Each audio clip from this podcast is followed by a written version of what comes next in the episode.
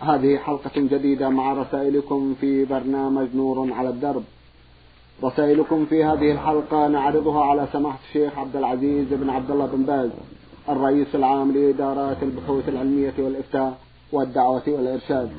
مع مطلع هذه الحلقة نرحب بسماحة الشيخ ونشكر له تفضله بإجابة سادة المستمعين فأهلا وسهلا بالشيخ عبد العزيز. حياكم الله وبارك فيكم أولى رسائل هذه الحلقة رسالة وصلت إلى البرنامج من إحدى الأخوات المستمعات تقول المرسلة لام عين ألف. أختنا بدأت رسالتها بقولها بسم الله الرحمن الرحيم إلى برنامج نور على الدرب. السلام عليكم ورحمة الله وبركاته. أود لفت نظركم إلى هذه الظاهرة وهي إن في بعض المكاتب تباع أوراق لاصقة بأحجام مختلفة كتب عليها اسم الجلالة أو آيات من القرآن الكريم وتكون مزخرفة وذات ألوان جذابة فينجذب إليها الأطفال فيشترونها والأطفال لا يعرفون ما كتب عليها إنما يشترونها لألوانها الزاهية فيلعبون بها أو يرمونها. نرجو من سماحتكم التكرم والنصح في والنصح في هذا الجانب ولا سيما لأصحاب المكاتب كيما لا تعميهم سبل التجارة عن هذا الموضوع. جزاكم الله خيرا والسلام عليكم ورحمة الله وبركاته. بسم الله الحمد لله وصلى الله وسلم على رسول الله وعلى آله وأصحابه ومن اهتدى بهداه. أما بعد فلا ريب أن تعظيم كلام الله وتعظيم أسمائه سبحانه من أهم الفرائض وذلك من تعظيم الله عز وجل. فالواجب على جميع الباعة والمؤسسات الطباعية وغير ذلك أن يحذروا وضع اسم الله أو آيات من القرآن في أشياء تمتهن من الأطفال أو غير الأطفال كالملابس والشراشف التي توضع على الإنسان عند النوم أو على الجنائز أو غير ذلك. كل ذلك لا يجوز أن يكون فيه شيء من ذكر الله ولا شيء من القرآن لأن ذلك يمتهن. وهكذا كل شيء يمتهنه الصبيان أو يمتهنه الناس كالأواني وما أشبه ذلك لا يوضع فيها اسم الله ولا شيء من القرآن. فجميع ما يتعرض يعرض ذكر الله أو الآيات إلى الامتهان والرمي في القمامات أو في الأرض أو ما أشبه ذلك كل ذلك لا يجوز. بل يجب أن يصان كلام الله وأسماؤه سبحانه عن كل ما هو ذريعة للامتهان ووسيلة للامتهان. وقد صدر منا فتاوى متعددة ومن اللجنة الدائمة في هذا في بيان منع ذلك. وصدر منا أيضا مكاتبات بيننا وبين وزارة التجارة لمنع ذلك. فالواجب على جميع المسلمين أن يحذروا هذه الأشياء التي تعرض كلام الرب سبحانه أو أحاديث رسوله عليه الصلاة والسلام أو أسماء الرب سبحانه للامتهان بين الأطفال أو بين الناس في ملابسهم أو في مفارشهم أو الكراسي أو المخدات التي يتكأ عليها أو غير هذا مما يعرض كلام الرب عز وجل أو يعرض أسماءه أو أحاديث رسوله عليه الصلاة والسلام إلى الامتهان نرجو ممن يسمع هذه الكلمة أن يحذر ذلك ويبلغها غيره حتى يكون معينا على الخير ومتعاونا على البر والتقوى. نسأل الله للجميع الهداية والتوفيق. اللهم آمين. جزاكم الله خيرا. رسالة وصلت إلى البرنامج من أحد الإخوة المستمعين. يقول أخوكم محاسب جلال الدين عبد العال مصري ويعمل في جدة. أخونا له ثلاثة أسئلة. في سؤاله الأول يقول هل أخذ مصحف شريف من أحد المساجد للقراءة فيه دون علم أحد بالمسجد يعتبر سرقة؟ وكيف التكفير عن ذلك إذا كانت سرقة؟ لا يجوز لأحد أن يأخذ من المسجد ما وضع فيه من المصاحف إلى بيته أو إلى بلده بل يجب أن يبقى في المسجد لأن الذي وضعه في المسجد أراد به نفع المسلمين الذين يأتون المسجد. فيقرأ فيه ما دام في المسجد ثم يضعه في المسجد ولا يخرج به خارج المسجد. إلا إذا وضع في مكان معروف للتوزيع وجاء به أصحابه للتوزيع وبينوا للمؤذن أو الإمام أن هذا للتوزيع فهذا شيء آخر. أما ما يوضع في الدواليب في المسجد أو في الرفوف في المسجد ينتفع بذلك زوار المسجد والمصلون في المسجد فليس لأحد يأخذه من المسجد. لأن الواقف إنما أراد به البقاء في المسجد. فمن أخذ شيئا من هذا الواجب عليه يعيده. وإن كان تلف أو ضيعه فعليه إبداله بمثله أن يشتري مثله ويضعه في المسجد. بدلا مما أخذ من المسجد مع التوبة والاستغفار نعم. جزاكم الله خيرا نصيحتكم سماحة الشيخ للقائمين على أمر المساجد كالمؤذنين والخدم هل يسمحون لأحد باستعارة مصحف من المسجد ثم يعيدوه أو ما أشبه ذلك ليس لهم لا ليس للإمام ولا المؤذن أن يعيروا في ذلك إلا إذا كان الذي جعله في المسجد سمح لهما بهذا. أما إذا كان وضعه في المسجد ولم يسمح لهما بهذا فليس لهما أن يعير أحدا نعم. جزاكم الله خيرا. إذا آه الكفارة أخونا يسأل عنها؟ ليس عليه كفارة إلا التوبة والاستغفار. وأن يعيد المصحف كما أخذه. نعم. أو يعيد بديلا منه إن كان ضاع عليه أو تلف. أحسنت. وهذا كفارة. هذا كفارة. مع التوبة. جزاكم الله خيرا. سمعت من أحد المشايخ أنه بالنسبة لصيام التطوع إذا نسي الصائم فأكل أو شرب فيجب عليه أن يفطر ولا يكمل صيامه. وذلك على عكس صيام رمضان. أفيدونا عن هذا؟ جزاكم الله خيرا. هذا خطأ. الصواب أنه إذا أكل ناسيا أو شرب ناسيا فصومه صحيح ولا فطر عليه فصومه صحيح. وهكذا على الصحيح لو جامع ناسيا أهله فإن صومه صحيح. لقول النبي صلى الله عليه وسلم في الحديث الصحيح لما سئل عن ذلك قال من نسي وهو صائم فأكل أو شرب فليتم صومه فإنما أطعمه الله وسقاه. خرجه الشيخان في الصحيحين. وقال الله سبحانه ربنا لا تؤاخذنا إن نسينا أو أخطأنا. ذكر عن عباده المؤمنين أنهم يدعونه يقولون ربنا لا تؤاخذنا إن نسينا أو أخطأنا. فقال الله قد فعلت. هكذا ثبت عن رسول الله صلى الله عليه وسلم أن الله جل وعلا قال نعم. يعني عفى عنهم إذا فعلوا شيئا نسيانا أو خطأ ومن ذلك إذا أكل ناسيا في الصوم في رمضان أو في غيره في التطوع أو في القضاء أو في النذور إذا أكل ناسيا أو شرب ناسيا أو جامع ناسيا فلا شيء عليه. لقوله عليه الصلاة والسلام من نسي وهو صام فأكل أو شرب يتم صومه فإنما أطعمه الله وسقاه متفق على صحته. وفي رواية ذكرها الحاكم وغيره وسندها صحيح من أفطر في رمضان ناسيا فلا قضاء عليه ولا كفارة. وهذا يعم الفطرة بالماء بالأكل والشرب أو بالجماع أو بغير ذلك. إذا كان عن نسيان فإن الله جل وعلا يعفو عنه سبحانه وتعالى. فضلا منه وإحسانا جل وعلا. لأن الإنسان عرضة للنسيان في كل شيء. نعم. جزاكم الله خيرا. إذا ليس هذا خاص بالنفل. نعم. نعم. الفضل والنفل ورمضان وغيره. نعم نعم. جزاكم الله خيرا. يا أخ جلال تسأل عن مواعيد إذاعة برنامج نور على الدرب هو كما ذكرت في التاسعة والنصف بالنسبة لإذاعة القرآن الكريم وبين السادسة والثامنة في إذاعة نداء الإسلام. ننتقل بعد هذا إلى رسالة وصلت إلى البرنامج من نينوى. باعث الرسالة بل باعثة الرسالة إحدى الأخوات من هناك تقول السائلة لام عين جيم. أختنا تقول أول سؤالي هو أنا فتاة تزوجت من رجل لا يصوم ولا يصلي ويشرب الخمر. وكنت أنا أيضا لا أصلي ولا أصوم. وبعد فترة من زواجي هداني الله سبحانه وتعالى إلى الصلاة والصوم والحمد لله. أما بعد فإني أريد أن أشرح لك حالتي مع زوجي. هو أنني ساكنة في بيت أهله الذي يتكون من أربعة غرف. فكل واحد من إخوانه هو وزوجته ساكن في غرفة وليس لهم أطفال. أما أنا ففي فغرفتي مكان للجلوس والأكل وللزوار.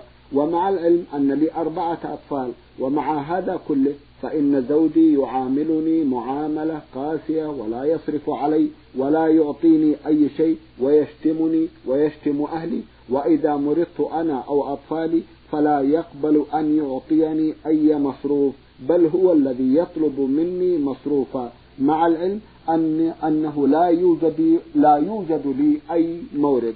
وكذلك فإنه يحرمني من رؤية أهلي وإخواني. أما من ناحية أنا فإنني أقوم بواجبه وواجب والدته على كل حال وكذلك أقوم بواجب إخوانه المتزوجون المتزوجين وعلى وعلي مسؤولية البيت كله. وكذلك والدته تعاملني وتعامل أطفالي بقسوة وتقتلهم. لعلها تقصد الضرب.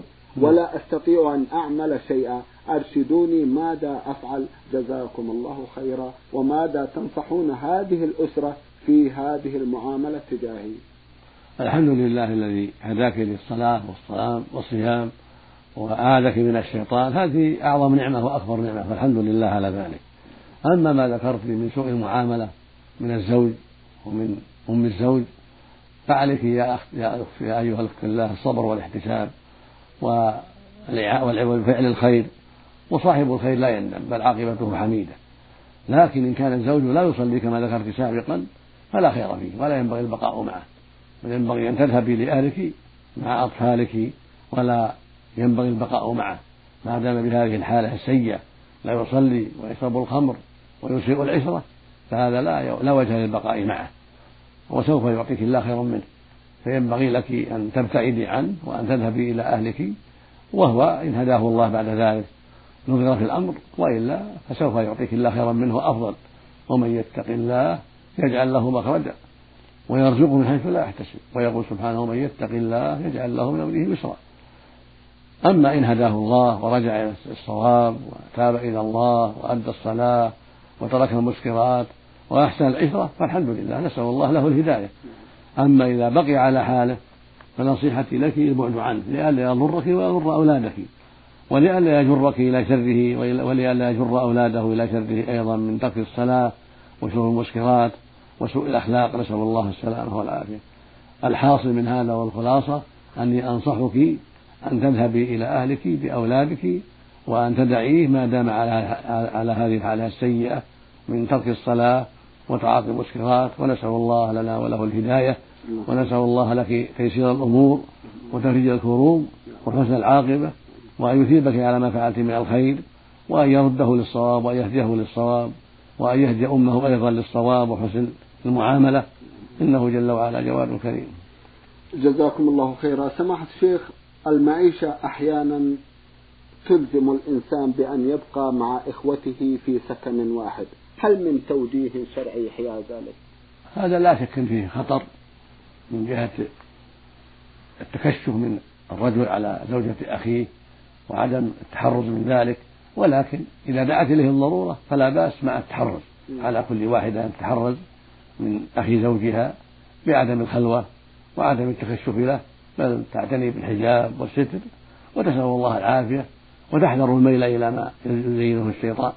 فعلى كل واحدة أن تبتعد عن أسباب الفتنة من إظهار المحاسن والزينة وأن تتحجب عن أخي زوجها وعن أخواله وأعمامه ونحو ذلك وتصبر على المشقة في ذلك حتى تنجو من العاقبة الوخيمة ولا حول ولا قوة إلا بالله. ومع ذلك عليها أن تحسن العشرة مع أهل بيته حسب طاقتها. فإذا تيسر أن تنتقل مع زوجها إلى محل آخر فذلك أصلح وأسلم. جزاكم الله خيرا. رسالة وصلت إلى البرنامج من أحد الإخوة يقول المرسل عبد العزيز سين عين. أخونا له تسعة أسئلة. من أسئلته يسأل ويقول ما هي ساعات الجمعة؟ التي وردت في حديث الرسول صلى الله عليه وسلم فيما معناه من أتى في الساعة الأولى فكأنه قدم بدنه إلى آخر الحديث. هذا الحديث صح عن رسول الله عليه الصلاة والسلام في الصحيحين. أنه قال عليه الصلاة والسلام من راح إلى الجمعة في الساعة الأولى فكأنما قرب بدنه. ومن راح في الساعة الثانية فكأنما قرب بقرة. ومن راح في الساعة الثالثة فكأنما قرب كبشا أقرن. ومن راح في الرابعة فكأنما قرب دجاجة ومن راح في الخامسة فكأنما قرب بيضة. الحديث هو حديث عظيم وشريف صحيح وهو يدل على شرعية التبكير إلى الجمعة وذلك أمر معروف عند أهل العلم ودلت عليه الأحاديث الصحيحة عن رسول الله عليه الصلاة والسلام. أما المبدأ فقيل يبدأ من بعد صلاة الفجر وقيل من طلوع الشمس وهذا محتمل لأن الرسول صلى الله عليه وسلم ما بين المبدأ قال من راح. من بكر وابتكر فلم يبين المبدأ. والأقرب والله أعلم أنه من طلوع الشمس لأن الصفرة تابعة لما قبلها وهي محل الجلوس في المساجد والتعب والذكر واستغفار وقراءة القرآن أو الذهاب إلى البيت للحاجة وقضاء الحاجة من تعاطي أول الطعام الذي يستعين به على البقاء في المسجد للجمعة إلى غير ذلك. فالأقرب والله أعلم والأحرى أنه يكون بعد ارتفاع الشمس. حتى إذا ذهب إلى المسجد يكون محل الصلاة والتعبد. هذا هو الأقرب والأظهر والله أعلم. يعني الساعة الأولى من بعد ارتفاع الشمس وحل الصلاة للمسلم في في مسجده وبيته. هذا هو الأقرب والأحرى نعم. جزاكم الله خيرا. هل قسم الليل والنهار سماحة الشيخ في عهد النبي صلى الله عليه وسلم أو في عهد الصحابة؟ ظاهر الأحاديث أن الليل 12 والنهار 12 أيوة. يجزى 12 ساعة. أيوة. والنهار كذلك. نعم. جزاكم الله خيرا. إذا التقسيم وارد. فكأن نعم. الوقت الأول ما يفرم من الواحدة صباحا بالتوقيت. لا على حسب اختلاف الأوقات. نعم. أيوة. جزاكم الله خيرا.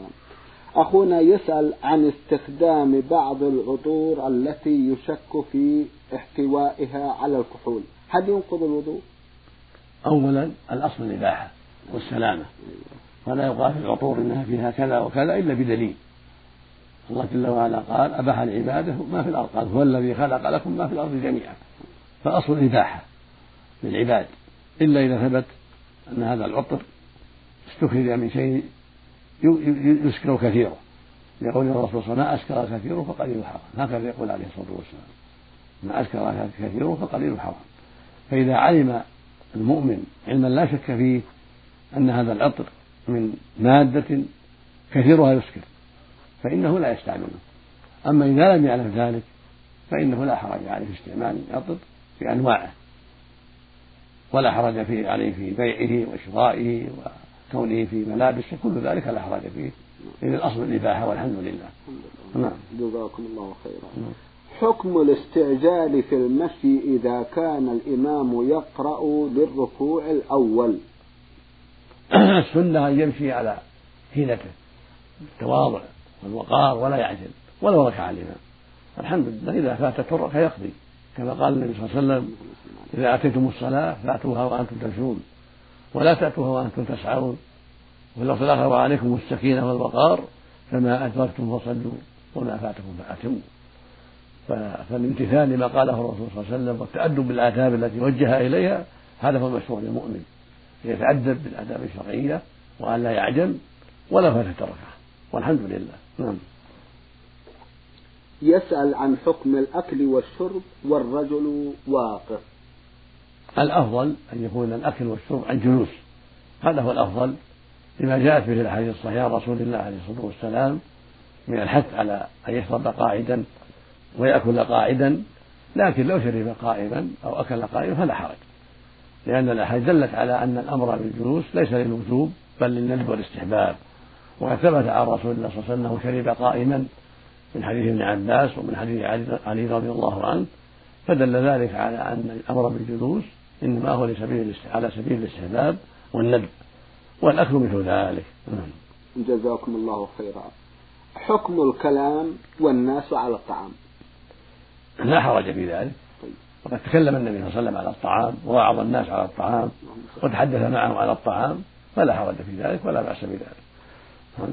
شراء سيارة بالتقسيط ومن ثم بيعها نقدا بأقل. إذا شراها بالتقسيط إلى آجال معلومة والبائع قد ملكها وحازها ليست عند التجار بل قد ملكها وحازها في بيته أو دكانه أو نحو ذلك ثم باعها بآجال معلومة أقساط معلومة فلا حرج أن يبيعها المشتري بعد ذلك بما شاء بأقل أو بأكثر. المقصود أن هذا دين داخل في آية الدين فلا حرج فيه لكن بشرط أن يكون البائع قد حازها وملكها وصارت في قبضته وتم شراؤه لها ثم يبيع بعد ذلك على هذا الشخص. والمشتري أيضا لا يبيعها حتى يحوزها أيضا حتى يحوزها ويملكها وينقلها إلى بيته أو إلى السوق ولا يبيعها وهي عند التاجر وفي بيت البائع. لأن الرسول نهى أن تباع السلع حيث تبتاع حتى يحوزها التجار إلى رحالهم. وقال لحكيم بن حزام لا تبع ما ليس عندك. وقال عليه الصلاة والسلام لا يحل سلف وبيع لا يحل سلف وبيع ولا بيع ما ليس عندك. والله المستعان. نعم. الله المستعان. جزاكم الله خيرا. نصيحتكم لمن ابتلي بمخالطة الكفار والفساق في العمل. نصيحتي له أن يحذر الميل إليهم واتخاذهم أصحابا وأصدقاء ولكن يحسن الخلق في المخاطبة والكلام والمعاملة سلموا رد عليهم لأن الله جل وعلا قال وإذا حييتم بتحية فحيوا بأحسن منها وردوها فعلى المسلم يرد أحسن هذا هو الأفضل وعلى الكافر يرد فقط. يقول النبي صلى الله عليه وسلم لا تبدأوا اليهود ولا النصارى بالسلام. ولقوله صلى الله عليه وسلم إذا سلم على أهل الكتاب فقولوا وعليكم فيقول وعليكم إذا بدأوا ولا يبدأهم.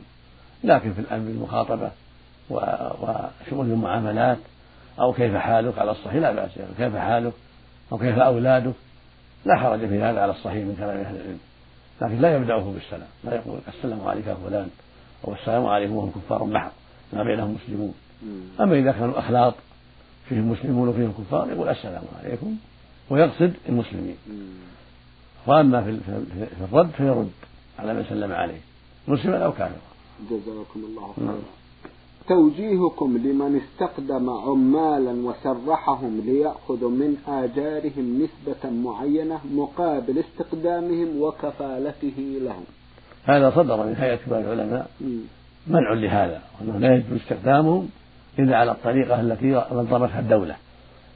على الطريقة التي نظمتها الدولة عليه يسمع ويطيع ويستخدمهم كما بينت الدولة لأنها تحرت المصالح وتحرت اكتفاء الشر وكثرة الخير. فعلى من أراد ذلك أن ينظر في نظام الدولة ويستخدمهم على ما قالت الدولة حتى لا يقع فساد في الأرض. جزاكم الله خيرا. أخت لنا من عفيف تقول المرسلة ميم نون صاد تاء لها مجموعة من الأسئلة تسأل وتقول هل مصافحة الرجال حرام؟ ولو كان على يدي غطاء. ولكونهم يتقدموا فماذا أفعل؟ تعتذر إليهم وتقول إن المرأة لا تصافح النساء. إذا كان لا تصافح الرجال إذا كانوا غير محارم إنما تصافح النساء والمحارم.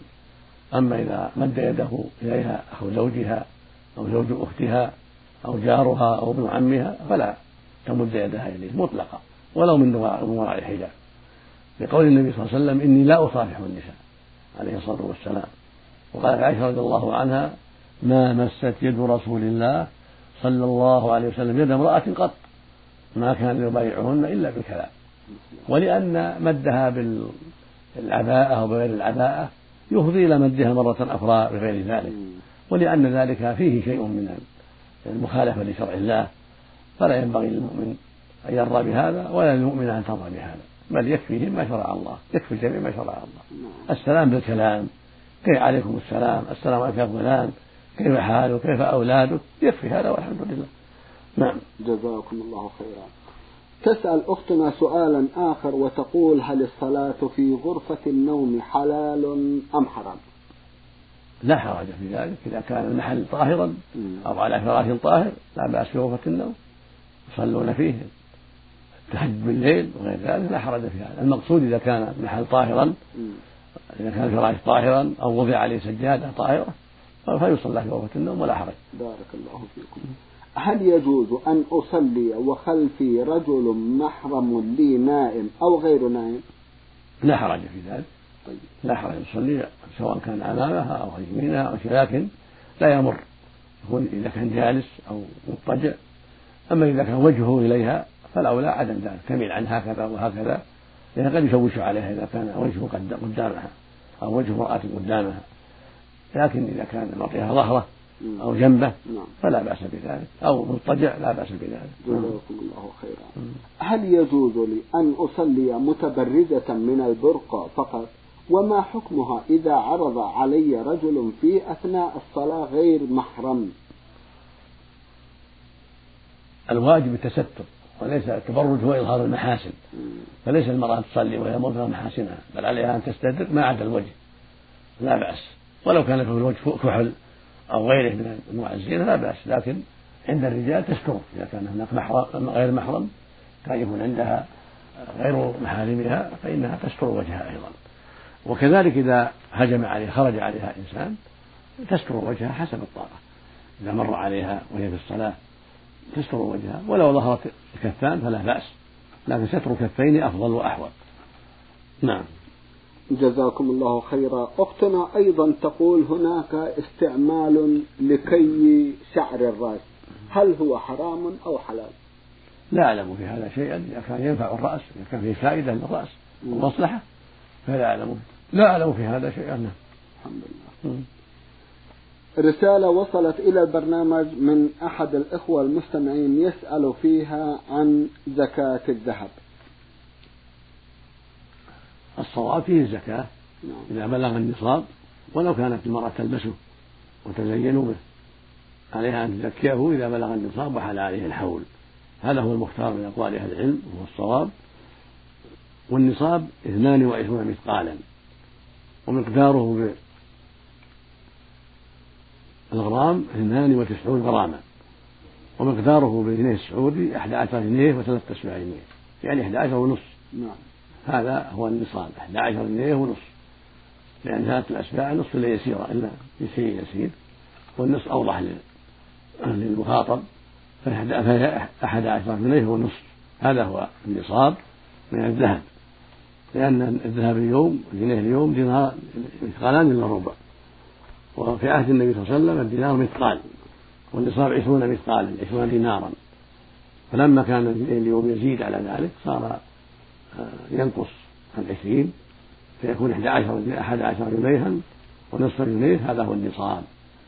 فإذا كان عند المرأة إحدى عشر جنيه أحد عشر جنيها ونصف أو أكثر من ذلك فعليها الزكاة إذا حال الحول على ذلك. تنظر قيمتها في السوق وتخرج الزكاة. وإن كان الذهب كثيرا ففي كل أربعين جنيه جنيه واحد ربع العشر. إذا كان الذهب كثيرا حلي نعم. ففي أربعين جنيه جنيه واحد. تخرج جنيه واحد تعطي بعض الفقراء ولو لم تعلم قيمته في السوق. لكن إذا كان أقل من ذلك فإنها تعرف قيمته في السوق وتخرج من النقود الأخرى. مقابل ما عليها. فإذا كان عليها مثلا إذا عندها عشرين جنيه في الحلي يكون على نصف جنيه. تعرف قيمته في السوق وتخرج قيمته من السوق من النقود الأخرى من الورق أو من الفضة الحمد لله. من الورق الذي هو يتعامل به يتعامل به الناس. نعم. جزاكم الله خيرا. سماحة الشيخ في الختام أتوجه لكم بالشكر الجزيل بعد شكر الله سبحانه وتعالى على تفضلكم بإجابة السادة المستمعين. وآمل أن يتجدد اللقاء وأنتم على خير. نرجو ذلك للجميع. مستمعي الكرام كان لقاؤنا في هذه الحلقة مع سماحة الشيخ عبد العزيز بن عبد الله بن باز. الرئيس العام لإدارات البحوث العلمية والإفتاء والدعوة والإرشاد. شكرا لكم مستمعي الكرام وإلى الملتقى. وسلام الله عليكم ورحمته وبركاته.